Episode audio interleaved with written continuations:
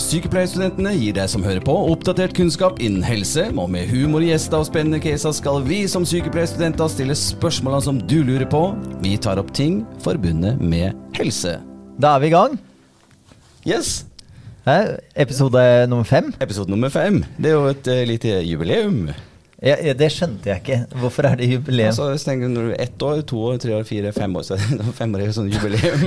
Ja ja, den er, den er ikke dum, den. Nei, så så, det da blir neste jubileum når vi er ti, da? eller? ja.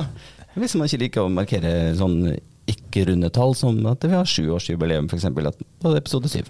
Ja, nei, Det kan det kan jo folk uh, glede seg over. Da blir det jubileum i ny og ne. Når det passer seg. Ja. Og så er det jo noen som faktisk eh, skal feires i dag. Det viser seg jo at det er helsesekretærenes dag i dag, så hurra til alle helsesekretærer som man ofte møter når man ringer til f.eks. et eh, legekontor eller annet. Ja. Ja. Er det ofte du ringer til de? Ikke i dag, i hvert fall. Nei. så vi skulle bare ringt noen og sagt gratulerer med dagen. Vi kan gjøre det. Ja, vi kunne gjort det, men det har vi ikke planlagt, så da slipper vi å tenke på det. Men eh, i dag så er det jo Nå har vi vært gjennom litt forskjellige temaer. Vi har jo 240 temaer vi har lyst til å utforske, men eh, vi er ikke på mensepisoden ennå. Nei, det er februar. Ja. Nei, mars. Unnskyld. Innen mars, har vi sagt. Ja, innen mars. Eller, ja. Men i dag så Nå har vi jo begynt med sykdomslære. Vi er godt i gang med medikamenter og kjøret går. Mm. Og da uh, er det noe som kommer opp som er geriatri. Geriatri. Geriatri. Og hva vet vi egentlig om geriatri, Anders? Nei, det Foreløpig så vet jeg at det er eldre. Ja, Før var det sånn her uh, Altså Hvis man har vært på fest og tenker at gud, jeg tror jeg, dri- jeg jeg drukker på meg geriatri, liksom. Men hadde jo egentlig ikke det. For jeg visste ikke hva geriatri var for noe. Var det på 70- eller 80-tallet? 80-tallet. Nei, 90-tallet. Ja, ja. Så Nei, vi vet jo det er eldre, og så er det en del eh, sykdommer i forbindelse med det, da. ja, kanskje lære litt om disse sykdommene som eldre folk har. Det kan da være det. Men eh, vi, vi skal jo vi skal prøve å finne ut uh, litt om det. Men jeg skal bare rote litt i sekken. Ja, den, uh, den er jeg spent på. Du har jo alltid en sekk. Ha med sekk. Og når man roter i sekken, så finner man jo Ja, du må si hva du finner, da. Ja, Du tar det- to Å asjetter. ja, jeg tar det på asjett. Ja. Enda ikke avslører hva jeg har tatt ut av sekken. Nei. Altså, det, for det første jeg tenkte på, skal vi holde på med geriatri, så må vi ha fyrstekake. Det er eh, Det er et godt poeng. Altså, GR33 G, G, Jeg klarer ikke å si det engang. Nei, det er vanskelig. Det er lik fyrstekake. Ja. Det er jeg helt enig i. Nå bare sånn, du eh, vi ut sånne fyrstekake. Der, vær så god, det var fyrstekake. Og Så må Anders ha litt Ja, nei, det er jo Nå deler Rune opp uh, fyrstekake her. Det er uh, Og det var liksom ikke noe voldsomt heller. Men du mener at den fra Rema 1000 er den beste fyrstekake, eller lager han selv? Ja, vi får jo ikke penger for å si Rema 1000, men enda. Å ja, du, du tenker at det kommer? Ja, Jeg vet jo aldri. Ja, få smake fyrstekake. Så mens vi mens, Er ikke det veldig fordomsfullt? Vi snakka om eh, Jo. I går så var jeg på et foredrag med, med sjefen for uh, tidligere general Jon Reichelt. Han er jo nå um, blitt uh, en eller annen uh, oberst i Kompani Lauritzen. Men han var jo sjef for Forsvarets sanitet. Uansett. Så sa han vi alle har mye fordommer, men det er en del fordommer Nå hører jeg bare smatting. Men det er en del eh, fordommer man skal holde seg for god for. Det å ha fordommer mot at det, det er skummelt å klappe en isbjørn, f.eks., det er lurt. Men Ja. er, det, er det her en fordom, eller? Eh, kanskje At alle eldre liker fyrstekake? da, da har jeg vært pensjonist siden jeg var ca. ni, da. Comfort, comfort drops og fyrstekake. er Litt sånn likt hele livet. Mormoren min hadde sånn eh, litt fyrstekake og, og den sjokoladen som het Cuba. Oh, ja. Som ingen spiste. Så den var jo jeg og tok i skapet. Altså det var sånn nødsjokolade. Så når jeg var i hennes begravelse og så mormor, så måtte jeg putte en Cuba oppi kista. Bare Sorry, mormor, det var jeg som tok alle disse sjokoladene som forsvant. Kanskje hun trodde hun var blitt dement. Ikke sant? Jeg bare, ja, så hadde jo en Cuba her, og så bare Har du spist den? Nei. Stakkars. Så det er mye feildiagnostikk også i geriatrien, da. For det er barnebarn så vanskelig. Ja, ja, barnebarna, spiser opp eh, ting. Comfortops og fyrstekake og Cuba. Og så tror du kanskje at du har fått en eh, Alzheimer eller noe Å, kjære vene. Ja, Men guri malla, Anders. Nei. Vi har jo en gjest i dag. Ja, vi har en gjest som kan være litt mer saklig rundt eh, både temaet, men også med energi og humør. Vi har jo henta inn eh, tidenes gjest.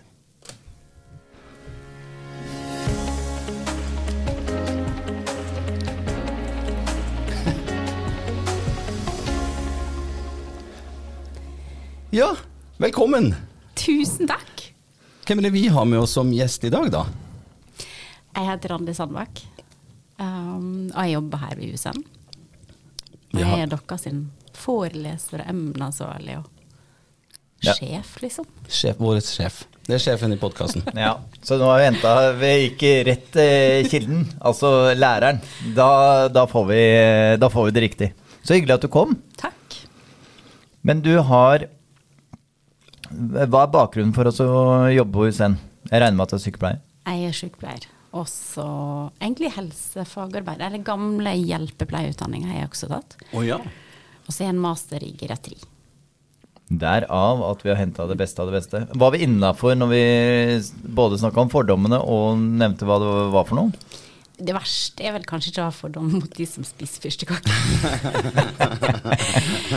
Men det er nok veldig mange som opplever fordommer knytta til at de er godt voksne. Mm. Altså, Dere snakker om pensjonister, men det er ikke dermed sagt at de er en geriatrisk Nei, for det er ikke noe likhetstrekk mellom altså, pensjonist og geriatri. Nei. Nei. Jeg har en svigerfar som er pensjonist. Han er 70 år, men han springer sikkert 5-6 km hver dag. Ja. Så hva er definisjonen på geriatri, da? Da må du ha noen Altså, du må ha redusert eh, fysikk på mange måter. På mange områder. Ehm, så du kan være en geriatrisk pasient når du er 67, og så kan du være det når du er 92. Men du Man liksom definerer jo ikke Det er ikke nødvendigvis alder som Nei, det er funksjons... det er funksjonsnivå og sykdommer, ikke sant? Mm. Så hvis man er heldig og har ja, god helse og alt det her, så kanskje kan man uh, slippe unna litt det her geriatristyret. Ja, Ja. på en måte. Så fyrstekake i dag var kanskje ikke lurt. Nei, nei, så hvis du er virkelig sånn som du sier, da, så kan man i teorien eh, dø i en alder av 95 uten å ha vært en geriatrisk pasient. Hvis du bare fikk eh, hjerteinfarkt og døde. Ja, i teorien. Ja. Ja. Det var et utrolig dårlig eksempel. Det hadde vært enklere hvis jeg sa 85 eller 80, men, eh, ja. men, nærmere. ja. men jeg skjønner eh, konseptet. Det er når det begynner å bli flere ting samtidig. ja. Det På grunn av alderdom, som er helt naturlig. Ja, ja. Men det var spennende. Du sa du, du starta som hjelpepleier, eh, og så sykepleier. Ja. Så du har jo, da har du et bra fundament i, inn i uh, yrket. Jeg tror jeg liksom har hatt jobber som har handla om den eldre pasienten siden jeg var 16. Så det, det begynner å bli en stund siden. Ja. Jeg er jo jeg er voksen. Det er voksen. Randi er voksen. Ja, Vi legger, vi legger ut bilde på Instagram, så kan vi se Randi. som Ja, voksen. så hun er, eh, hun er voksen, men ikke, eh, Ikke- ikke, pensjonist ennå. Og ikke geriatrisk, og ikke eldre. Nei, min opplevde alder er 29. Ja, det kan du se. Så, og så er det mange aldre, ikke sant? Biologisk alder, kronologisk alder. Ja. Så, men min opplevde alder er 29. Så. 29. Vi har ikke, vi har, det skal vi dykke inn i en senere episode, Anders. Alder? Ja, mental, fysisk Ja, ja, ja, ja, ja. ja, det er jeg med på det. jeg, er, jeg er ikke det min alder, så det, det går veldig bra. Men eh, du, hvorfor eh, du tok eh, helsefag, eller det som nå er helsefagarbeider, da, som hjelpepleier, og så tok du sykepleien. Hvorfor tok du sykepleien? For det er mange som går på studiet her som er helsefagarbeidere, og nå tar sykepleier. Det var jo dette, altså jeg, sy jeg syns jo helse er veldig spennende, og jeg elsker jo naturvitenskapelige emner. Mm. Så Og jeg, jeg skulle jo egentlig bli anestesisykepleier. Det var jo det store målet. Men etter jeg begynte å jobbe etter sykepleierutdanninga, så man blir litt sånn forelskende nærmest, i en fagretning. Og jeg elsker jo geriatrien. Jeg syns jo det er så komplekst og så eh, vanskelig, men spennende. Det å gjøre en god jobb knytta til den eldre pasienten. Mm, man må jo bare elske eldre, liksom. Ja, jeg Ja. treffer Ja. flere av de. Det, Ja, det- det er synes jeg er veldig hyggelig. Altså, nå har ikke Vi skal jo ha praksis eh, til våren, vi skal komme tilbake til det litt etterpå. Men eh, vi skal ha praksis på sykehjem, f.eks. Og det hadde jo ikke jeg noe erfaring med, så jeg begynte jo å jobbe i september litt sånn vikar på sykehjem. Og, og det er når du kommer inn på sykehjem, og, det, og en av beboerne bare kommer Du hører liksom bare sånn «Øh, 'Som er på jobb i dag?' Så bare Rune. Rune! Og så plutselig kommer du ut med armene i været, og bare Oi! Og så får du den klemmen når du kommer på jobb, da. Yes. Det er kult. Du har ikke opplevd det, du? Nei, nei, jeg jobber på sykehuset. ja. De, de, de, de pasientene jeg blir glad i, de, de forsvinner etter tre dager igjen. Så det, jeg har en helt annen verden. Vi vil bare ut, sikkert. Han ene sov så dårlig, så han ville bare skrive seg ut. Så jeg sa jeg skjønner jeg godt, så er det bare å komme seg hjem hvis man kan. Så det er eh, ved en helt annen, helt annen eh, verden. Det er et lite vindu av glede der, men eh, det er ikke så langt. Men det er jo, det er jo veldig Så det å også være oppriktig glad i eh, dette faget, og det er jo for, I hvert fall som for vi som har begynt nå, det virker jo litt Det er så mye. Eh, Det er så stort fag. Altså anatomi, du har eh, liksom Nå har vi sykdomslære, vi har medikamenter, vi har Men du, har, syns, du syns det er spennende med geriatri fordi at det ene påvirker den andre, det tredje Altså du klarer å se sammenhengene? Ja, så er det jo altså når man er på sykehjem, for der, det er jo der jeg primært jobber, jobber. Um, og da møter jo du den syke pasienten. Altså, er man hjemme i tjenesten, så kan det være andre problemstillinger som gjør at de er ganske mye friskere også. Men det er så komplekst, for det er jo sjelden at de lider av én sykdom. Eh, Og de har jo aldri én medik ett medikament, ikke sant. Så er det jo kjempekomplekst. Og det er jo det som gjør det så spennende. Og du må liksom være detektiv, og så har du en lege som er innom én gang i uka. Ja. Så det krever veldig mye av en, da. Som gjør at man kan også faglig utvikle seg til enhver tid. Så det tror jeg er også viktig å huske på dere som skal ut. For det er så mange som skal bli jordmødre eller helsesykepleiere, eller sånn, jobbe med barn er veldig sånn populært. Eh, eller for menn så er det ofte kanskje litt mer actionfylt, sånn anestesi eller psykiatri eller sånn. Men geriatrien, det er Jeg kan ikke tenke meg nesten en retning som er så komplekst og sammensatt som det er, og at man kan være en forskjell for et annet menneske. I tillegg. Og det er jo Det er jo fantastisk. En, ja. en verdig og fin alderdom, da. Det er jo egentlig det. Det er målet. Også et, en, et liv med innhold. Ikke Ja. sant? Og det må jo da jeg som Jeg er jo ute i klinikken og jobber litt innimellom. Mm. Og da er det jo min jobb å hjelpe det mennesket til å ha noe innhold i det livet sitt. Ikke bare at man skal stå opp og gå til frokost, og så får du tablettene dine, og så sitter du og venter på neste måltid. Jeg kan jo si, og det har jeg sagt tidligere, da, så det er ikke noe flaut, men jeg gikk jo på sykepleien i 2005 i Oslo. Og så kom jeg på første praksis. Det var den gangen det var sånn Føltes som det var tre uker, eh, og så var vi ute. Det var ikke det, det var sikkert lenger. Men i hvert fall. Da kom jeg ut, og så var det første praksis. eh, Og så kom jeg inn på sånn sykehjem, tenker jeg. Og det var sånn Det var oppussing, det var gammelt. Det var liksom Og det ref de fordommene. Så jeg bare Ja, hva gjør vi her? Nei, nå må vi bort til hun der eh, Så traff jeg da en fyr som var så lei av den jobben sin, og skulle da bare Ja, nå må du stå opp. Uh, og her er tablettene. Og det var Og jeg bare tenkte det her, det, Dette kan jeg ikke stå i. Jeg kan ikke være sånn. Så jeg gleder meg liksom. Og så ser man jo på det på Brennpunkt og liksom de tingene der. Og det Man får jo helt sånn vondt. Eh, så jeg, jeg vet nesten ikke liksom Jeg både gleder meg, for jeg vet jo at dette er veldig, veldig fine Alle mennesker er jo fine, men det er liksom det der også gå det inn med sånn som du sier, med litt sånn nysgjerrighet. Hvordan kan vi gjøre en best mulig dag for deg, da? For hver dag er jo en gave på mange måter som vi kan gjøre som innholdsrik. Male. Vi kan kanskje gjøre noe som gir deg en funksjon som, av glede, da. Jeg vet ikke om du har noen tanker liksom rundt det der, når du ser liksom de her dokumentarene og det der greiene. Skjønner du hva jeg mener? Er Liksom, Ja, og jeg skjønner, altså Det jeg tenker først og fremst med disse dokumentarene Nå har jeg bare sett én av de, faktisk. Men den andre skjønte jeg var ganske så klipt. Og det blir jo et sånn tabloid bilde vi får se. For det skal jo også selge ut til et publikum. Eh, og jeg også har jo stått i situasjoner der jeg tenkte etterpå at herlighet, hvis noen hadde hatt et kamera på meg nå, så hadde de tenkt at herregud, hun er trakka virkelig over. Men konteksten og situasjonen rundt uh, gjør at jeg kan stå inne for det jeg har sagt eller gjort. da. Og det handler jo om f.eks. det her med at har du en pasient som har en alvorlig grad av demens, så trenger de jo kanskje korte, konsise eh, beskjeder, ikke sant? Fordi at de, hjernen der klarer ikke å absorbere mer. Og da høres det jo mye mer sånn brutalt ut, kanskje, for de som er på utsida.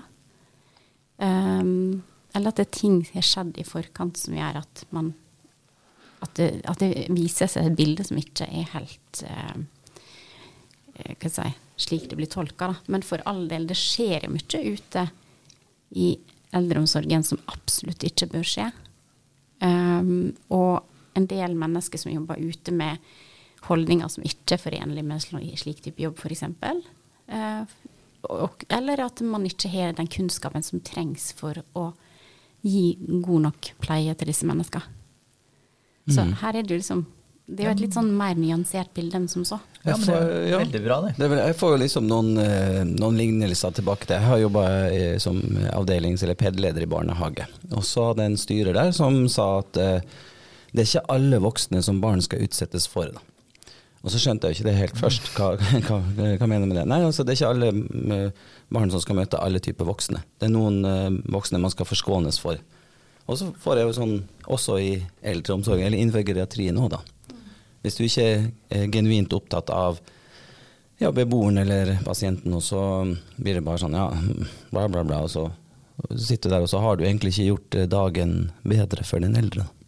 Og så handler det også, tror jeg, kanskje mye om, om kompetanse og kunnskap. Fordi det er klart det er en del som ikke helt uh, har innsikt kanskje i sykdomsbildet til pasienten, ikke sant? og ikke forstår at ja, pasienten trenger kanskje noen flere sekunder for å forstå hva du har sagt, for at den kan reise seg opp, eller for at den skal utføre den handlinga du vil den skal utføre. Eh, ikke sant? Og det er noe som pasienter er så kommet så langt at de får en kam i handa, og så skjønner de ikke hva de skal med den kammen. ikke sant? Og de må hjelpes til å børste håret, f.eks. Og da har det jo eh, Er det fort gjort å bare ta over, ikke sant? Ja, altså jeg har jo Jeg skulle jo eh, som eh, sånn, sånn nybegynner på sykehjem, så skulle jeg hjelpe til med tannstell, da. Og- Og vi har jo lært litt om det her, og vi har sett noen VAR-prosedyrer og sånn. Veldig greit.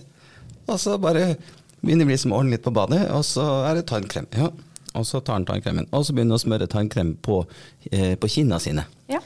Og jeg blir jo litt lattermild, og så sier jeg oi, du har fått litt tannkrem på, på kinnet, skal jeg ta det bort? Å, ja, og så tok jeg bort, det var en eh, mann da. Og så tok jeg bort tannkremen, og så sier jeg, nå skal jeg, nå skal vi bare putte den på her, opp på tannbørsten sånn. Og så liksom viste jeg liksom med bevegelse at du, og så gjorde han det. Og så fylte jeg opp en kopp, så han kunne liksom eh, skylle og spytte, og, og da gikk det. Men liksom når han tok tanken og begynte å smøre det i ansiktet som det var hudkrem eller barrierekrem, så men det bare, Eh, så, men det, da måtte jeg virkelig liksom gå i meg sjøl. Hva skjedde nå, Rune. Bare Å, selvfølgelig, han, eh, han forstår ikke Nei. Han husker ikke Ja, men prosedyren. Først skjønner ikke oppgaven. Nei?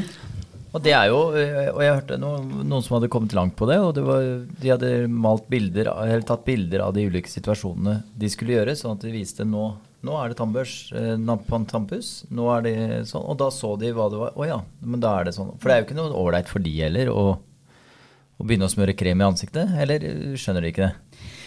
Der kommer jo noe an på hvor langt de er kommet. da. Ja. Men de, man veit jo ikke helt. Nei. Og så er det jo noe med at han um, jeg, tenk, jeg prøver å tenke at hvordan vil jeg ha det som gammel? Vil jeg f.eks. gå rundt naken i gangen? Sånn, jeg vil jo ikke det. Mm. Da vil jeg at noen skal hjelpe meg å ta på meg tøy. Mm. Um, eller altså, jeg vil at noen skal hjelpe meg til å samle meg, f.eks. Jeg vil at noen skal hjelpe meg å skjerme meg. Fordi jeg er ikke en sånn person Ja. Uh, som vil springe rundt naken i gangen, f.eks. så Så, det handler om liksom uh, hvordan vi tror vi sjøl at det mennesket ville ha hatt det. Det er jo en veldig fin inngang og noe å ha med seg, i hvert fall for oss. Ja. Eh, hvordan vi behandle oss selv både i den situasjonen og senere. Men eh, bare fører meg litt over, for det- du utdanner jo sykepleiere og har gjort det i flere år. Eh, hva, er det som, hva mener du kjennetegner gode sykepleiere? Når de er ferdig utdanna. Når de er ferdig utdanna, ikke førsteårsfolka som tror de er ferdig utdanna. Da har du litt sånn ærefrykt, på en måte, og en sånn Og du ehm, Og det jeg tenker som er et viktig budskap, er at når man er uteksaminert, så er ikke man ferdig utlært. Det er liksom viktig å ha med seg. Det er jo da du egentlig begynner å lære. Mm. Eh, og det å da på en måte ha en trygghet og si at det her føler jeg meg trygg på, det kan jeg gjennomføre. Men det her er jeg litt mer usikker på. Her trenger jeg veiledning. Og at man har den tanken resten av livet. Og så er det å være nysgjerrig, da. Det syns jeg er en god egenskap. Det å em, prøve å oppdatere seg og lære seg nye ting og ja, finne gleden av det å være sykepleier. Mm. Fordi da gjør man en bedre jobb, tror jeg, da. Ja. Men være nysgjerrig på mennesker, prosedyrer, Ja. hvorfor gjør vi Det er jo Jeg tror det er en god, god ting å ta med seg. Både i alle tre årene og ute i praksis, og hvorfor gjør vi det? Og ikke bare sånn hvorfor, hvorfor, hvorfor, hvorfor? Vi skal ikke stille det. Nei, nei, Vær kritisk til alt. Ah, ja. Det, Hvor skal du ha brødskiva der? Skal vi ikke ta den her? Nei, men det er, eh, det er veldig en god eh, Ja. Det er jo derfor vi starta podkasten òg, for å være litt sånn nysgjerrig. For det er jo mange Vi syns det er litt sånn overveldende til tider òg. Ja, det blir litt spennende, for det her, nå, nå har vi kommet til episode fem, og det her blir jo en slags dokumentasjon av vår sykepleierreise òg. Altså, vi er jo på en Ja, ja, ja. og det er jo kjempespennende for oss å sjekke inn senere og si oi, vi husker du når vi var der, Anders. Nå, nå har vi kommet litt videre, kanskje. Ja, og det, og det andre vi skal også gjøre med podkasten, er jo øh, Det er veldig mange som slutter i helsevesenet, og det er liksom veldig mye som skjer, og det er ikke måte på. Så vi skal også fremsnakke. Vi skal jo inn i dette her, og jeg gleder meg. Jeg ser jo bare fine ting foreløpig. Jeg ser selvfølgelig det er utfordringer, men det er jo overalt. Ja, Vi hadde jo Jaran fra forrige episode òg, som opplevde akkurat det å gå ut av profesjonen eh, før han eh, liksom hadde kommet inn i det. Han var jo ferdig utdanna, og så går han rett inn i korona. Og så løper han rundt. Så øh, det er jo øhm, Jeg skjønner at det er mye, kan være mye press og stress øh, der ute også, men hva, er liksom, hva, hva mener du er det beste med norske helsevesen, sånn som du ser det? Åh, vi er jo kjempeheldige da, å ha eh, Vi er jo gratis helsetjeneste. Altså, vi må kanskje betale en liten egendel i- hvis du går til fastlegen. Mm. Men vi er jo så heldige at vi kan, eh, vi kan bli alvorlig syke og bli tatt vare på. Det er det jammen ikke alle andre land som har. Så det er jeg kjempetakknemlig for at vi har. Mm. Uh, og at det er liksom helsetjeneste til alle. Og så kan man jo selvfølgelig diskutere uh, om den er god nok i alle felt. Men vi har jo det er jo engang sånn at vi har en viss pengepott, og den må vi på en måte Den er jo ikke Sareptas krukke. Nei, den etterfylles ikke automatisk. I USA gjør den det. De kan bare trykke opp nye dollar når som helst, og så er det greit. Der, der går det så det griner. Men vi har jo oljefondet, som vi alltid eh, sier. Men det er jo færre og færre som betaler inn til fellesskapet også, så det, det, noe må jo være. Og så er sikkert kravene blitt større, og sykdommen blir annerledes. Og ut fra det jeg har skjønt, så er jo medikamentene har jo blitt bedre også på mange områder. Så det er jo et komplekst eh, en kompleks reise, dette med helse, da. Men man kan jo alltids bli bedre, så det er jo det er ikke det jeg sier at det liksom, ting er perfekt. Men jeg, jeg syns det er nok Vi er nok fort ute og klager, vi nordmenn som sitter her oppe på Gullberget. Mm. Uh, og det er noe med å også snu seg litt og se hva vi faktisk har, som ikke andre har. Uh, og så må man diskutere hvordan vi kan bli bedre, for det kan vi jo. Mm. Og jeg, jeg vil bare følge opp litt den tråden. For det, når vi snakker om det nå, så helsevesenet er jo også under stadig utvikling. Og da må jo sykepleien også bli under stadig utvikling. Det er jo Anatomi det er jo begrensa sikkert hvor mye man kan utvikle det faget. Men sånn som eh, Er det noen trender du ser i pensum, eller noe vi kommer til å bli mer av og viktig fremover? Altså, Du nevnte, i hvert fall på den ene forelesninga, geriatri kommer til å eksplodere i en eller annen form. Men Ja, og der er det jo viktig at man har kompetanse og kunnskap når man skal ut og møte den pasienten. Slik at, altså, Der må man også tenke forebygging og habilitering, ikke bare eh, når det gjelder barn f.eks., som man er veldig flinke til å tenke forebygging og habilitering. Men det er jo også for å spare helsevesenet for stor belastning, eh, både økonomisk og også ressursmessig.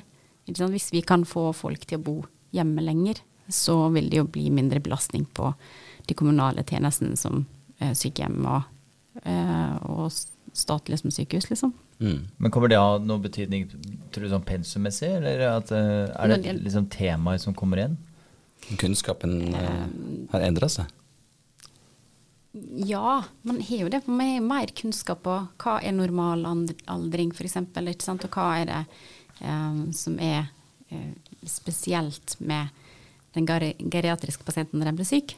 Mm. Um, men det, jeg tenker jo som så at man må ha en, legge vekt på disse naturvitenskapelige emnene Mm. i stor grad. For det er kunnskap og kompetanse som virkelig trengs når man er ferdig sykepleier. Mm. Nei, men det er jo øh, fint. Jeg er jo litt opptatt av Vi skal jo ha en øh, episode seinere om øh, Vi ser jo at det blir stort press inn mot e-helse, vi, teknologi, vi vet at frivilligheten vi skal inn, osv. Hvordan tror du teknologi vil påvirke sykepleieryrket framover? Vi må Det syns jeg vi kanskje allerede begynner å bli flinke til. Men altså, vi må jo tenke nytt eh, i forhold til å bruke teknologi som hjelpemiddel. Men de må også ha med seg en sånn kritisk røst inn også. Man må ikke sluke alt bare for at det heter digitalt eller heter teknologi. Det må jo tilpasses den brukeren som skal bruke det. For eksempel nå så har vi jo sånne dispensere, medisindispensere som man er ute i hjemmetjenesten. Funker fantastisk for noen brukere, mm. men ikke alle. Ikke sant? Så da må det jo individuelt tilpasses. Ja, Du kan ikke bare si at nå har du teknologien, vær så god, ha det bra, vi ses om ei uke. Da, nå kan maskinen ordne sånn at uh, Jeg så jo forresten en video på YouTube om en sånn digital duppeditt som skulle liksom komme med sånn, sånn multidose eller sånn porsjonspakka medisin. Og så lurte de så fælt eh, disse barna til den eldre. Hva skjer med medikamentene, liksom? Jo da, katta hadde lært seg hvordan de skulle få opp boksen. Så katta bare tikk, tikk, tikk, tikk, og så kommer medisinposen ut. Så tok katta den og lekte med den her hjemme i posen. Det er jo det som jeg sier. Ja. Altså, jeg, jo, jeg, sliter jo å like katter. Jeg er mer en hundemann. Og der ser man jo grunn til å ikke ha, ha, katter hjemme. Så det er jo et tiltak også. Altså Når du først får, uh, får sånn duppedingstrinn, så må katta ut. Må katta det, ut. det, er bare sånn Da må du få deg hund, for hun er bitte litt dummere, men, men, men veldig omsorgsfulle. Men klart sånn GPS, f.eks. Det, det skal jo jeg ha med hvis jeg blir uh, får en demenslidelse en gang. Da skal ja. jeg ha sånn eh, GPS-tracker på meg, sånn at jeg kan få lov til å gå tur i skogen eller gå på byen og sånn, uten at noen blir redd for at jeg er borte. Ja. ja. og så så vi i går på en forelesning av en megagod overlege eh, som heter Tonje. Og hun sa i hvert fall på um, de som har diabetes 1 så begynner man å få monitorering eh, fast av blodsukkeret. Og, og, da var det et eksempel på at eh, en tiåring eller Da kunne barna leke, og foreldrene kunne være hjemme og egentlig bare se på blodsukkeret, og den kunne leve som helt normal. Eh, normalt barn uten å ta så mye hensyn til eh, blodsukkeret. Ja. De må jo ta hensyn til det, men, men de kan følge med på hvordan eh, verdiene var, da. Mm. Foreldre kanskje kan bli litt uh, mer avslappa og tryggere. Ja, jeg skjønner jo at det er ålreit. Eh, jeg har jo litt erfaring med akkurat det. Vi kommer sikkert tilbake til det i en senere podkast, det òg. Men uh, altså, du kan også bli bekymra, da. Når ja. du ser at blodsukkeret er 1,9, og du vet at barnet ditt er på vei hjem fra skolen alene på ski, og 1,9 blodsukker kan medføre død. Og da kan man bli litt bekymra. Men da må du være litt presis. Hva er normalt blodsukker? Ja, altså normalt blodsukker altså Hvis du ligger over fire, altså cirka Man ønsker jo fem. Og, og, og, det vil si de som har diabetes type 1 eller diabetes mellitus eller noe sånt. Det, altså det, man ønsker at de skal ligge rundt fem. Og det er ganske stramt. Og det er utrolig vanskelig å holde et blodsukker så stabilt rundt fem. Da. Og det tror jeg foreldre som har barn, eller, eller voksne som har diabetes type 1 sjøl, også vet hvor vanskelig det er å regulere det så stramt. Så da ligger man kanskje på sju eller åtte eller ni. Da er det liksom litt sånn trygt. Det er jo ikke helt ideelt, men litt sånn tryggere. Da blir man ikke så urolig, da. Nei, og det er eh, diabetes kan man snakke mye om. Altså, ja, det, Vi klarte en tretimes forelesning. Jeg syns det var kjempeinteressant. Jeg var overraska over hvor mye som var inni det sykdomsbildet, men det skal vi ikke, Nei, vi skal ikke ta dag. Vi snakker jo om uh, geriatri. Men sånn er det når vi begynner å få Alzheimer og demens, at vi glemmer liksom uh, hva vi snakker om. Vi, vi glemmer jo det manuset. Husker du temaet? Det var jo geriatri. Ja, ja, ja. ja, ja sånn men, men, diabetes og ja. geriatrien? Oi, oi, oi. oi, oi, der, der, har jeg opplevd at uh, type 19 var Eh, akseptabelt. Og hvordan vet du noe om det, Randi? Altså eldre og blodsukker? Jeg ville helst ikke hatt en pasient med 19 i blodsukker. Nei, jeg, jeg, prøvde jo å si noen ting om det, og så fikk ja. jeg noen eh, Nei, men det må, sånn er det når du er gammel. Og sånt. Oi, det er, jo, det er, jo, veldig høyt, da. Det er veldig høyt, så det vil jeg nok kanskje ha prøvd å få ned med litt medikament. Ja. Men man har jo litt mer slekk. På de, grunnen til at man ikke vil ha så veldig store svinginger, er jo seinkomplikasjoner også. Mm. Uh, men det er klart, altså, seinkomplikasjonene for en på 80 er jo ikke Altså, de kommer jo mye seinere i livet ja, kommer når du er 100, 140. Så, ja. Men det var en siste ting som jeg skrevet opp som vi syntes var litt sånn eh, interessant. Og så la, vi, la vi armene i kors når vi sa ja, det. Ja, for det er litt alvorlig, det ja. vi skal si. Nei. Men hvordan ser, ser du på den demografiske utviklingen? Spesielt med tanke på en aldrende befolkning, kommer det til å bli en utfordring? Altså, vi har jo folk som bor oppe i Vinje, Seljord. Må de samles etter hvert, eller hvordan skal man liksom eh... Nei, det var det, da. Jeg tenker at det, off, Hvis du har liksom bodd oppe i Vinje, da, som fantastisk plass å bo, må jo jeg tenke. um, og så skal du liksom bli tvangsflytta. Da er vi liksom Er ikke vi tilbake igjen på liksom 50-tallet? Jo, Lillebjørn Nilsen og sovesal igjen. Um, men det som er liksom problemet, da, er at de unge flytter jo til byen. I hvert fall de unge jentene. Og så er det kanskje noen stakkars gutter som blir igjen, da. Um, men vi har jo da USN har jo oppretta fleksisykepleie, som dere kanskje har hørt om. Det er jo en fleksibel sykepleierutdanning der vi det er Ikke vi, det er så mye vi bare, men um, man har tenkt at de som bor ute i distrikta, skal kunne få ta en sykepleierutdanning selv om de bor hjemme. Eh, For å nettopp måtte, eh, ha sykepleierkompetanse ute i distriktene, slik at man kan få helsetjeneste fordi man bor i Vinje. Det er jo veldig bra for de som bor i Vinje. Hvis dere hører på dere som bor i Vinje, så blir det her bra på sikt. På Ja, ja, ja. Så det er bra. Jeg tenker, men altså, du skal jo ikke slutte å leve fordi om du blir pensjonist og blir gammel. Eh, du må jo leve livet ditt for det. Så da må jo vi som samfunn ta vare på at, slik at man kan, kan bo hjemme så lenge som mulig, f.eks. Nei, men så fint. Men jeg bare tenkte på en ting vi, før vi bare, Hvis du bare ruller litt ned tilbake. Vi har jo manus, og vi prøver å følge litt, da. Eh, men eh, jeg fikk- vi har ikke fulgt noe av det, så det, ja, Det vet jo ikke de som hører på. Eh, vi bare later som vi har manus, det er bra. Men vi blir avslørt på episode fem. Nei, vi har ikke manus. Jo, vi har et lite ark. Men eh, jeg tenkte på, jeg fikk en tilbakemelding at vi hadde hatt bare mannlige gjester også. Nå har vi jo da en kvinnelig gjest. Og så har det medstudenter undra seg litt over dette med kvinnehelse.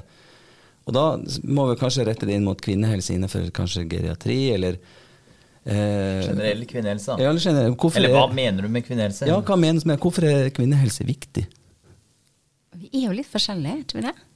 Som menn og kvinner. Sa vi altså åpna i buksa og kikka ned. Jo da, det er litt forskjell. Vi er litt forskjell. Forskjellige måter å tenke på. Det her var liksom, Nå får jeg litt sånn assosiasjoner med Jeg sitter jo hjemme og hjelper en 15-åring med å lese til diverse prøver og sånn, og hun hadde da om filosofi. Eh, og det var jo nesten bare mannlige filosofer. Men det var ei som het Simone Bo, og så var det et vanskelig fransk navn. Um, og så sitter hun liksom sånn åh, skal lese om henne òg. Men, jeg, men det er jo viktige perspektiv for å tenke liksom at hun kunne liksom komme med sånn kvinnelige perspektiv på livet. Fordi når det har vært så mange menn, så trenger vi begge deler. Mm. Og så kvinnehelse. Ja, vi har jo andre symptom på ting, f.eks. Altså hjerteinfarkt, så kan jo kvinner ha helt andre symptomer enn det menn har. Og det er jo litt skremmende hvis man ikke forsker på det, f.eks. Det har man heldigvis nå, men Jo, det finnes andre sykdommer også. Ja, for det tenker jeg, Vi skal ut uh, i praksis uh, til våren da, eh, etter påske. og Da er det jo sykehjem eller hjemmetjenesten. Og da tenker jeg, Når vi da kommer som sykepleierstudenter ut, og så er det liksom Hva skal vi se etter hos eh, eldre kvinnelige beboere eller pasienter? Som, hva skal vi være oppmerksom på, da, vi, vi studentene? Med tanke på at symptomer og an andre ting kan være ulikt eh, menn og kvinner. da. Ja, da tenker jeg at man må liksom lytte til pasienten. Eh, og ta pasientens opplevelser og symptom på alvor. Og så må man ta det derfra, på en måte. For det, er det fins liksom ikke noen sånn fasitoppskrift som jeg kan gi deg. Men det å lytte til pasienten og ta symptom på alvor, tror jeg, det er jo viktig uansett om det er menn eller kvinne. Men også tenke at ok, men her kan det være ting som ligger i bånn, som eh, ikke står i pensumboka, f.eks. Nødvendigvis. Færre skeive eldre oppsøker helsehjelp enn andre. Det er nødvendig å fornye helsefagutdanning, mener forskere. Vi tar en liten femminutters prat om dette med Vi tar debatten, er det du tenker på? Nå kjører vi debatten. Ja. Har, har du noen tanker om det? Altså, jeg fikk litt sånn sjokk. Vi så en sånn nyhetsoppslag, og så bare Oi, færre skeive eldre oppsøker helsehjelp. Altså, det vil si de måtte trekke tilbake inn i det berømte skapet og slutte å være håper jeg, slutter å ha sin seksuelle legning og blir da plutselig heterofil eh, eldre eller geriatrisk beboer og pasient. Eller tilsynelatende, i hvert fall, kanskje. Tilsynelatende. Um, vet du hva, jeg, når du spurte om det, for vi har jo snakka litt om det på forhånd, Ja, vi juksa litt. Uh, så tenkte jeg herlighet, har jeg noen gang uh, møtt en pasient som har vært åpenlyst eh, homofil? Det, det, det tror jeg faktisk kanskje ikke jeg har hatt. Som jeg veit om, eller som jeg liksom har fortalt meg det, da. Mm. Eh, og, og det er sånn statistisk sett så er jo det umulig, egentlig. Ja, det, det skal jo være en, en viss andel av befolkningen. Men jeg, jeg har jo hatt pasienter som eh, damer som har bodd sammen med en annen dame som venninne. Mm. Sant? Typ, sånn, Ja. sånn to, to fruer som bodde sammen. Det hørte man jo om i gamle dager, men de var jo ikke kjærester. Nei, de bare bodde sammen. De bodde, bodde sammen. Mm. sånn som hun Synnøve Finden, for eksempel. Som, Ja. ja. Men jeg tenker, og jeg har liksom aldri egentlig reflektert så mye over det før du tok det opp, og jeg har lest det i, i nyhetene. Men jeg, har, jeg har nok et ganske sånn avslappa forhold til om, hvilke legninger andre har. Ehm, og jeg er ikke sånn Men jeg, jeg tenker jo at de som er eldre og er, er homofile, har jo hatt en ganske utfordrende historie. Altså fra å gå fra at det var ulovlig å være homofil i Norge, til at det ble lovlig. Og så har jo det vært vanskelig opp igjennom. Altså selv når jeg var ung, selv om jeg er ganske ung, så var det jo eh, Så jeg er jo fra bygda, og der, eh, der var det jo helst ikke homofil, for da fikk du virkelig høre det, ikke sant. Så de har jo hatt det vanskelig. Um, og da tror jeg vi, vi har en vei å gå med å reflektere over det og snakke om det og bli litt sånn klar og tydelig på hvordan man skal møte andre mennesker og møte andre legninger, altså andres Mm. legning, da, på en god måte som gjør at de kan få lov til å være seg sjøl. Men i min verden så er det Ja. jeg, jeg tenker jo sånn Skal jeg gjøre det litt enkelt? Altså, hvorfor skulle man hatt mer forskning på Eller mer implementere det mer inn i helsevesenet, på sykepleien osv.? Hvis man liksom skulle gjort det. Men det er jo hvordan du møter mennesker. Det er uavhengig av både legning og kjønn. Nasjonalitet og ja, ja. det, det, er jo, det er jo liksom eh, Hva er det de egentlig ønsker? da? Er det et annet sykdomsbilde? Altså, eller er det bare at man trenger bare å vite om at det skjer? Ja, tror, altså, det handler vel på en måte om å ha en, kanskje en bevissthet rundt det. Og så tror jeg jeg ser sånn så Jeg har jo da tre barn hvor det ene hun er minst er sju år gammel. Og der er det jo, der er jo to mammaer eh, i klassen, og det er to pappaer. Og, og det som For henne er det sånn Ja ja, Jenny hun har to mammaer. So what? Det, er altså, det er så like naturlig som å spise smør på brødskiva. Mm. Men det er det jo ikke for min generasjon oppover. Hvert fall. Nei, det, er, det, det henger jo litt igjen. Og så da tenker jeg vi møter jo noen folk ute som er liksom født på tidlig på 50-tallet, eventuelt slutten av 40-tallet, som er beboer og pasient nå. Og da er det jo Altså, da vil jeg bare tilbake dit litt om burde USN, eller burde helse, jeg si, helsefagutdanninga ha noe om det her i sin undervisning? Men Vi har jo ikke hatt noe om det enn så lenge, da. Nå har vi jo bare gått eh, et halvt Ja, vi har jo så vidt gått, men, eh, men, eh, men burde vi hatt noe om det? Altså burde ja, det jeg tenker jo at i hvert fall um, Ja, jeg tenker jo det hadde sikkert vært lurt. Um, og, og, og det kan godt være at det ligger der. Nå skal jeg ikke jeg påberope meg at jeg har innsikt i alle andres emner, for det har jeg ikke. Uh, men, Selv om hun er sjefen vår på podkasten. Ja, ja, ja, ja. Eh, men, men dere er jo Har dere hatt om seksualitet? Skal? Nei, vi har ikke hatt det ennå. Nei. Nei. For, for da Jeg vil jo tro at det er liksom naturlig å ta det opp der, da. Mm. Da må Um, kanskje vi spørre om det, Anders. Ja, men kanskje vi skal bare aktualisere det, snikinnføre det Vi, fra våre, eh, vi har jo selvfølgelig hatt om seksualitet, men ikke på studiet her, da. Eller sånn. Altså, vi har jo levd noen år, vi har jo blitt voksne, så Jeg hadde er, seksualundervisning da jeg gikk på ungdomsskolen. Ja. Og da var, det, da var det eh, sånn som det skulle være. Det var en mann svett mann, lærer, som kom inn med en, eh, en pinne nesten. Og vi fikk en kondom og en banan, eller gudene vet hva det var. Og alle lo, og ingen visste hvor det skulle være. Og det var ikke lov til å le, ikke lov til å fnise.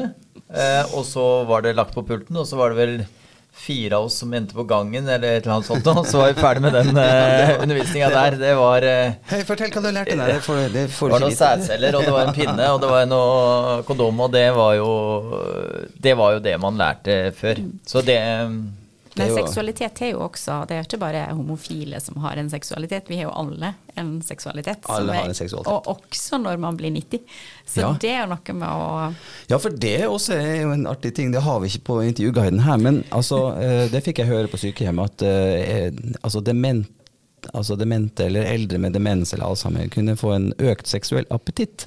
Mm. Noe som har ført til både at de har måttet stoppe folk fordi at de har vært på vei inn bare på et tilfeldig rom. og skulle ordne da med bien og blomsten og alt det her. Mens andre har eh, holdt på mens eh, kanskje den andre ektefellen kommer inn på rommet og sier Oi, der er de i gang, ja. ja. Og det er liksom, det er jo Ja. Så det, det å være pårørende innenfor geriatri kan være spennende, tror jeg. Ja, det, du drar opp noe nytt hver gang. Ja, jeg, må, jeg, må, bare ta en liten digresjon før vi skal ja, videre. Ja, det var så du, det, det, det, er vakkert. Du tar opp skeive, og så kommer det at eh, folk ligger rundt, og nå skal du ta en liten Jeg gleder meg. Nei, jeg var på en, en, forelesning en gang om Det var innenfor eh, i, i omsorgsbolig, sånn PU, da, psykisk utviklingshemming, hvor de hadde seksualundervisning for eh, de som var hjemmeboende, sånn godt fungerende mennesker med, med ulike funksjonshemminger og nedsettelser. Og så forteller hun foreleseren ja, det var en som hadde Det var et par, da. Og de var jo, de var jo fertile, så de kunne jo få barn. Så det var sånn Ok, eh, dere må bruke kondom. Og de, det skjønte de ikke. Og så hadde han tatt, eh, foreleseren, eller hun eller han, en sånn tørkerullholder. Og så hadde han vist. Du bare trer på kondomet, så tredde kondomet på denne tørkerullholderen. Ja, det var fint. Og så dro videre i verden. Og så kom jeg tilbake til det, det paret etter en stund, og så Liksom, hvordan går dette her, da? Har ikke fått til dette med kondom og beskytte seg mot uh, graviditet og sånne ting. Ja da, det var fint, for hver gang vi har sex, så trer vi kondomet på tørkerullholderen. ja. De ja, gjorde jo som de fikk ja, beskjed om. Ja, de fikk jo beskjed om å gjøre det. Bare jeg, må, jeg må endre mitt undervisningsopplegg, tenkte foreleseren. Ja. så de gjorde jo akkurat som de fikk beskjed om, så de hadde jo beskyttet sex, men det var jo det vi var litt tilbake til i stad, i forhold til med demente og Alzheimer og geriatri. Altså korte, enkle beskjeder. Noen ganger så er det Altså, vi tenker at det fungerer. Du skjønner ja. konseptet, og så er det ikke sånn. Det er det som er så rart med kommunikasjon. Da. Det er så innmari vanskelig. Mm. Det er vanskelig. For det er jo ikke gitt at mottaker har skjønt hva du vil. Nei. Så tydelige, korte, nesten beskjedkommando. Altså, nå kan du sette deg ned. Ja, Det kommer jo an på. Hvis jeg hadde begynt å snakke ja. til deg sånn Hei, Rune. Nå kan du sette deg ned. Ja, nå skal jeg gi deg middag. Nå skal, middag. Nå skal du det, er, det er jo, Du må jo tilpasse det. Ja, basert tilpasse. på så det, Igjen så er vi tilbake til det er vanskelig. Det er sykt vanskelig, egentlig. Ja, det, Møt folk som du har lyst til å være sjøl. Etter hvert som man kommer inn i, får litt kunnskap om det, så vet man ok, dette er sykdomsbildet. Dette gjør at det er vanskelig å ta lange resonnementer og lange ting. Det er enklere å få enkle beskjeder. Så på bakgrunn av vår kvalifisering inn i yrket, etter når vi er ferdig som sykepleierstudent, på bakgrunn av vår kvalifikasjon og vår erfaring og kunnskap, så skal vi ta, møte hver situasjon individuelt sånn som den bare pff, møter oss midt i fleisen. Men, men, når man snakker om Det er veldig bra det her å være klar og konsis i kommunikasjon. Man vokter seg vel for å være nedlatende. Ja. Det, man, det, det gjelder uansett pasienter, tenker jeg. For, der, for vi har masse, masse makt som uh, vi må bære med omhu. Mm. Hvis man kan si det sånn. Det ja, det er, det er veldig klokt. Kjempebra. Så nå er det bare å roe seg ned, Rune. Nå, nå kan du roe deg ned. ro deg ned. Sånn. Nå skal jeg roe meg ned.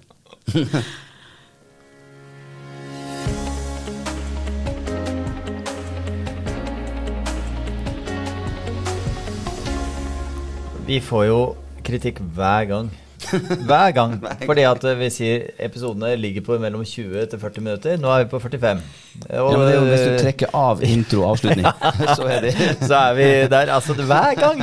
Så han ene bare Det er viktig at det strammer opp litt. Ja, ja, ja. Bla, bla, bla, bla, bla, bla. Vi skal være på 38 minutter Men nå skal vi eh, gå over til det som mange studenter eh, er litt interessert i. Vi må jo bruke der eh, all fagkunnskap vi kan få nå. Og det er jo litt sånn eh, Vi skal jo nå ha eksamen i sykdomslære. Og det er jo mange medstudenter nå som sier 'Å, herregud'. Og jeg hørte det før jeg begynte, så sa de 'Bare gled deg til våren'. Da kommer Da er det metode 1, det er sykdomslære. Det er bare rom. Og da er det litt sånn derre Har du en liten guide? Hvordan skal vi liksom knekke den koden? Vi snakka litt med Medici om det. De sa bare jobb, jobb, jobb, jobb. Eh, stå litt på. Men etter hvert så er det også enklere. Vi har satt opp en sånn I vår gruppe så har vi satt opp dette er en eh, sykdom. Dette er årsak. Det, altså, og hvordan det Dette er behandles. symptom, og så, ja, behandling. En matrise. Ja. det, det tenker jeg er veldig nyttig. Men um, vær litt nysgjerrig. Ehm, jeg er jo liksom sikkert um, litt miljøskadd. Jeg er en mor som jobber i helsevesenet i alle år, og sånn, så jeg, jeg liksom vokste opp med sånn medisinske leksikon som jeg likte å lese da jeg var liten. Liksom de verste bilder av operasjoner som det var gøyeste man kunne se på. Um, og så det å være nysgjerrig. Altså, eh, spør hverandre ja, men hvorfor er, hvorfor er det sånn. Hvorfor har man de symptomer? Uh, hvorfor skjer det i cellene? Og så hent for guds skyld fram igjen fysiologikunnskapene noe, anatomikunnskapene noe. For hvis man ikke forstår det helt klart, så er det vanskeligere å få ta tak på det. Da må vi gå tilbake eh, før Ja. jul igjen i anatomien og fysiologien og granske litt der, da. For det henger jo sånn i hop. Altså det at man puster saktere. Pust f.eks. er et veldig viktig symptom. Puste sakte eller puste veldig fort. Ja, hvorfor gjør man det? Hvorfor puster vi? Det er bl.a. for å selvfølgelig gassutveksling, men for å justere syre-basebalansen i vår i kroppen. Og det er mange mange sykdommer som påvirker den syre-basebalansen. ikke sant? Så det å liksom være nysgjerrig. Hvorfor? Spør hvorfor. Og undersøk. Fikk jo en liten sånn eh, recap på eh, det her med blodet. Fikk spørsmål av eh, Tonje som overlegen, som ikke overlegen, men er overlege, som sa hva er blodets viktigste funksjon? Og så bare ble det helt stille i forelesningssalen. bare øh, og, så bare, øh, hva, hva er blodets viktigste eh, Og så ble det masse Og så til slutt så én, tror jeg, som bare Frakte oksygen? Ja! Ja, det var meg. Det var du? Ja. Ja, ikke sant. Det var Anders som sa det. og det var veldig bra. For folk tenkte herregud, det må jo være noe med skal vi se, gassutveksling, skal vi se, og så, og så fyker de hjem der. Og så bare Nei, det er frakt oksygen. Og hvis ikke du har blod som fyker rundt, hvis det blør ut av kroppen, så får du ikke nok oksygen. Og da har ikke blod, nei, hjertet noe å pumpe med heller. så Da stopper det jo til slutt. Mm. Det spurte jeg også Tonje, det var meg da. Jeg spurte, men sånn hjerte-lungeredning f.eks. Hvis man skal redde en person, og så vet man jo ikke blør denne personen inni seg, eller blør den ut av kroppen. Og så, så sier Tonje da eh, nei, altså du gjennomfører hjerte-lungeredning. Du fortsetter å kjøre kompresjon og kanskje noe innblåsning. og så du, uavhengig av det. Og så fortalte hun at det hadde vært et, en pasient som kom inn en gang som hadde fire liter blod i bukhulen. Det vil si at blodet gikk jo ikke rundt. Men hvis man pøser på med litt sånn, gir litt innblåsning og får litt oksygen, så klarer du kanskje holde det akkurat nok i gang til eh, jeg håper å si kvalifisert eh, medisinsk personell kan ta over, og maskiner kan kobles på osv. Så, videre. så uavhengig om blodet blør ut eller inn, hjerte-lungeredning. Det er Ja. viktig. Men det var jo veldig, veldig bra å, å få med det. Men eh, er det flere ting du tenker vi skal fokusere på nå med For det jeg så Vi hadde metode i dag, og så var det å sette eh, alle de orda. Subkutan eh, injeksjon. Og så var det en annen Intramuskulær. intramuskulær eh, injeksjon. Og da tenkte jeg liksom åh, Kan jeg ikke få kobla det her på sykdomslære? Hvorfor gjør vi medikament, hva det er? Hvorfor vi stikker der vi stakk? Ja. Eh, så er det jo enklere å forstå hvorfor den det går kjappere opp hvis du tar det i muskel, går det kjappere opp hvis du tar det i fett. Hvorfor er det sånn? Er, er det også noen sånn stalltips og Ja, altså hvis, jeg, eh, hvis du kollapser her, og, skal, og du er full av smerte, altså du er kjempesmerte på virka, så er det jo en fordel for meg å sette det rett inn i blodbanen din, f.eks. Ikke sant? Da kan jeg jo sette inn en PVK. Altså, det har jeg ikke lært å sette den ennå, men legge inn en sånn liten eh, kanyle inn i eh, blodåra di.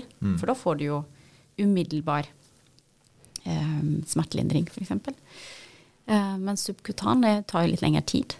Det blir Ja, eh, så intramuskulært går litt raskere inn til blodbanen? ja, det der er jo mer blodsirkulasjon. Ja. Det, er mer blodårer i en muskel enn det er i fett. Iallfall mer sirkulasjon der. Mer sirkulasjon. Mm. Raskere, liksom.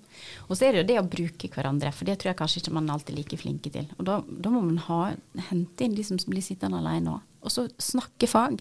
Spør hverandre. Hvilke symptomer hører til hvilke sykdommer. Mm. Det, det skal vi gjøre, Anders. Ja. Kaste litt ball, spille sykepleierspillet Ja, og diskutere. Ja, for, være eh, nysgjerrig. Randi har sykepleierspillet på kontoret, så jeg kan låne Ja. det. Og så har de på biblioteket også her på USN. da. Det har de det- sikkert rundt omkring på bokhandler, og Litt overalt. ja, de fleste har det sikkert hjemme. Ja. Og så vi har jo begynt også å Ja, lese ja, sa du. ja, ja, men noen har jo det. Noen er jo gærne nok til det. ja, ja, ja, selvfølgelig. Men det var, jeg skulle bare si det at når vi nå leser nå, da, så har vi begynt å se se opp til 37 grader. Eh, .no. Mm. Vi bruker det. Og så sånn summary av uh, de ulike kapitlene og Mhm. podkast på det. Og så bruker vi Medisi samtidig. Og så løser vi litt sånn oppgaver vi har fått. da Så det har blitt vår. Vår måte å gjøre det på. Ja. For det er uh, Det var som Medisi sa, vær nysgjerrig og, Og se litt. og som Randi sa, vær nysgjerrig, vær eh, Og. Jobb. interessert. Jobb, jobb, jobb. jobb, jobb, jobb. Altså, er det ikke, altså det er ikke tvil om at det er, det er tøft å være student. Det er vondt å lære av og til. Altså man, og det å kjenne, bare tåle litt det ubehagelige, tror jeg man må bare komme seg gjennom. Og så blir liksom, da blir premien så veldig bra når man er ferdig. Ja, det er eh, En gang i uka så tenker jeg Hva er det du driver med? Og så Og så lager vi Og så går det bra igjen. podkast Og så lager vi podkast etterpå. Vi holder på med Men nå må vi Ja, nå må vi Kan jeg bare si en Ja. siste ting, for nå ble jeg litt sånn ivrig. Ja. At tenk på det dere lærer. Det kommer jo pasienten til gode når dere er ferdig. Ikke glem det. Det er veldig, veldig bra. Det er veldig bra. Men da har vi Ja, Skal vi ha en vignett før vi tar de? Ok, ja. da. Helt til slutt har Randi noen helsemål og noen helsetips til oss her i Sykepleierstudentene. Må ikke spørre meg, da. Spør ja, Randi. Spør Jeg spør Randi. Jeg kikka på Anders. Det må være å ta litt sånn godt vare på seg sjøl. nå er det ja, Nå i dag er det jo sol, men det er jo sånn mørkt og trist om dagen. Mm. Så det å komme seg ut, ta på seg eh, godt tøy og gå seg en tur, spesielt når man har sittet og lest hele dagen, det tror jeg er veldig lurt. Det skal jeg også prøve å bli flinkere til. Ja, det er bra helsetips. Ut og gå. Vi har uh, drikkevann har vi fått, og men nå også ut og gå. Jeg har snakka sikkert om det før, men ut i lyset. Ja. Og jeg tenkte jeg skulle gjøre det på podkasten og så sende noen bilder på Instagram-kontoen vår. Ja. For da var jeg ute og gikk langrenn. Det er akkurat til snøfall igjen. Og da bare løper jeg ut for å gå langrenn. Og da, det er min eh, Altså, aktivitet gir meg glede, og i hvert fall ute i naturen. Fantastisk. Men helsemål, vi kan ta, du kan jo tenke litt, for nå kan vi jo presentere. Hvordan står det til med våre helsemål, Anders? Nei, jeg viste jo deg i stad hvor mange pushups jeg tar Ja. med henda opp, ned og osv. Det er to ja. stusslig det, det er så stusslig. Men jeg har trua, jeg. Jeg Ja, er ja. I, i god retning. Men jeg har begynt å bli glad i fyrstekake og kake og, og sånne ting. Og det gjør, det gjør jo ikke Det gjør- ting da, da er det jo enda mer muskler jeg må bygge opp i overkroppen. Så her eh, Det skal jobbes. Ja, hold igjen på camferdropset bare. Ja, ja, ja. Nei, jeg har jo Jeg skal jo ta 108 solhilsener, og det tar jo sikkert halvannen time eller noe sånt. Og jeg, nå har jeg kommet til 27. Men så måtte jeg spørre Randi som uh, i stad før programmet, uh, for at jeg har litt sånn vondt bak ryggen. Og så sier jeg enten har nyra svikta totalt, eller så har jeg sånn muskelvondt etter 27. Uh, sånn, eh, og så spurte vel du da om har du Om det tisser. Ha, ja. Har du eliminasjon? Tisser du? Ja. Nei, da er det sikkert muskelen. så da, oh, det er bare en muskel som er helt det er som regel altså Ofte ville blitt litt mer, men det der kan du lære lese sjæl. Ja. Trenger ikke å spørre en venn da. Da kan du begynne å lese, og så begynne å kartlegge deg sjæl. Ja. Så da, det var våre helsemål. Så hvordan står det til med ditt? Nei, jeg tror jeg er sånn som alle andre. Jeg skal trene mer og ja, spise sunnere. Så Ja. får vi se hvordan det går med Er det et? Du har vært kjempeflink som holdt unna fyrstekaka. Altså, vi har spist opp hele fyrstekaka, så allerede her er jo du godt i gang. Det er bra helsemål. Ikke spise fyrstekake. Nei, men har vi blitt noe klokere? Vi klarte å klemme ut uh, 54 minutter og Ja. ikke 40 minutter, som, som det seg hør og bør. Men Ja. uh, har vi blitt litt klokere? Ja, vi skal være ydmyke overfor den geriatriske beboerpasient. Uh, ikke ha en sånn eh, nedlatende holdning til dem. Nei, det har jo du slitt med lenge, så det Ja, fint at du fikk, fikk fjerna den. altså det var, jeg fikk beskjed du må ikke si adjø når du går hjem. Så, Hvorfor ikke det? Nei, da blir folk så veldig lei seg. Så tenker jeg, men det, at her er flåsete sagt, men de har jo glemt det om to minutter. Så jeg går inn og sier ha det bra, takk for i dag, og fortsatt god ettermiddag. Ha det bra. De blir så glad, ikke sant. Ja, ja. Det er livsglede. Jeg syns det er noe fint, det. Det er fint å si hei, og Ja. det er fint å si ha det. Det er høflig. Og så sa du noe om uh, undre seg. Randi sa at vi skulle undre oss. Ja, og det har blitt en litt sånn rød tråd. Vær nysgjerrig. Hvorfor er det sånn? Også, ikke sånn kritisk Å, herregud, men mer sånn litt sånn undrende. Ja, undre oss med et smil. Ja. Også ut i naturen. Og litt mindre fyrstekake. Det er en bra oppsummering. Det er, Det er uh, veien til uh, at du slipper uh, blodtrykk. Det var mange livsstilssykdommer. Ja. Diabetes 2 er jo det er oppskriften på forebygging av det, så du er på god, god glid. Du har er skjønt det. glid. Men da vil vi takke så mye for deg, Randi. Takk for meg. Ja, så hyggelig at du ville være med. Og til alle de som har sittet under og sett, kommer det ikke noen dame på programmet? Så jo da. Og så kan vi røpe at også neste ukes gjest blir sannsynligvis en eh, kvinnelig gjest. Oi, oi, oi. Vi snakker jo ikke sammen, så plutselig så kan det bli noe annet. Vi får se. det blir en hund. Vi er en hund. Bikkje eller en dame, det vet vi, men det blir en hund, kanskje. Da er vi ved veis ende, Anders. Ja. Vi klarte nesten på 38 minutter. Ja. Det var ikke langt unna. Du har hørt en podkast fra Sykepleierstudentene, produsert i studio på Universitetet Sørøst-Norge. Jeg heter Anders Haks. Jeg heter Rune Pedersen. Vi ønsker deg god helse.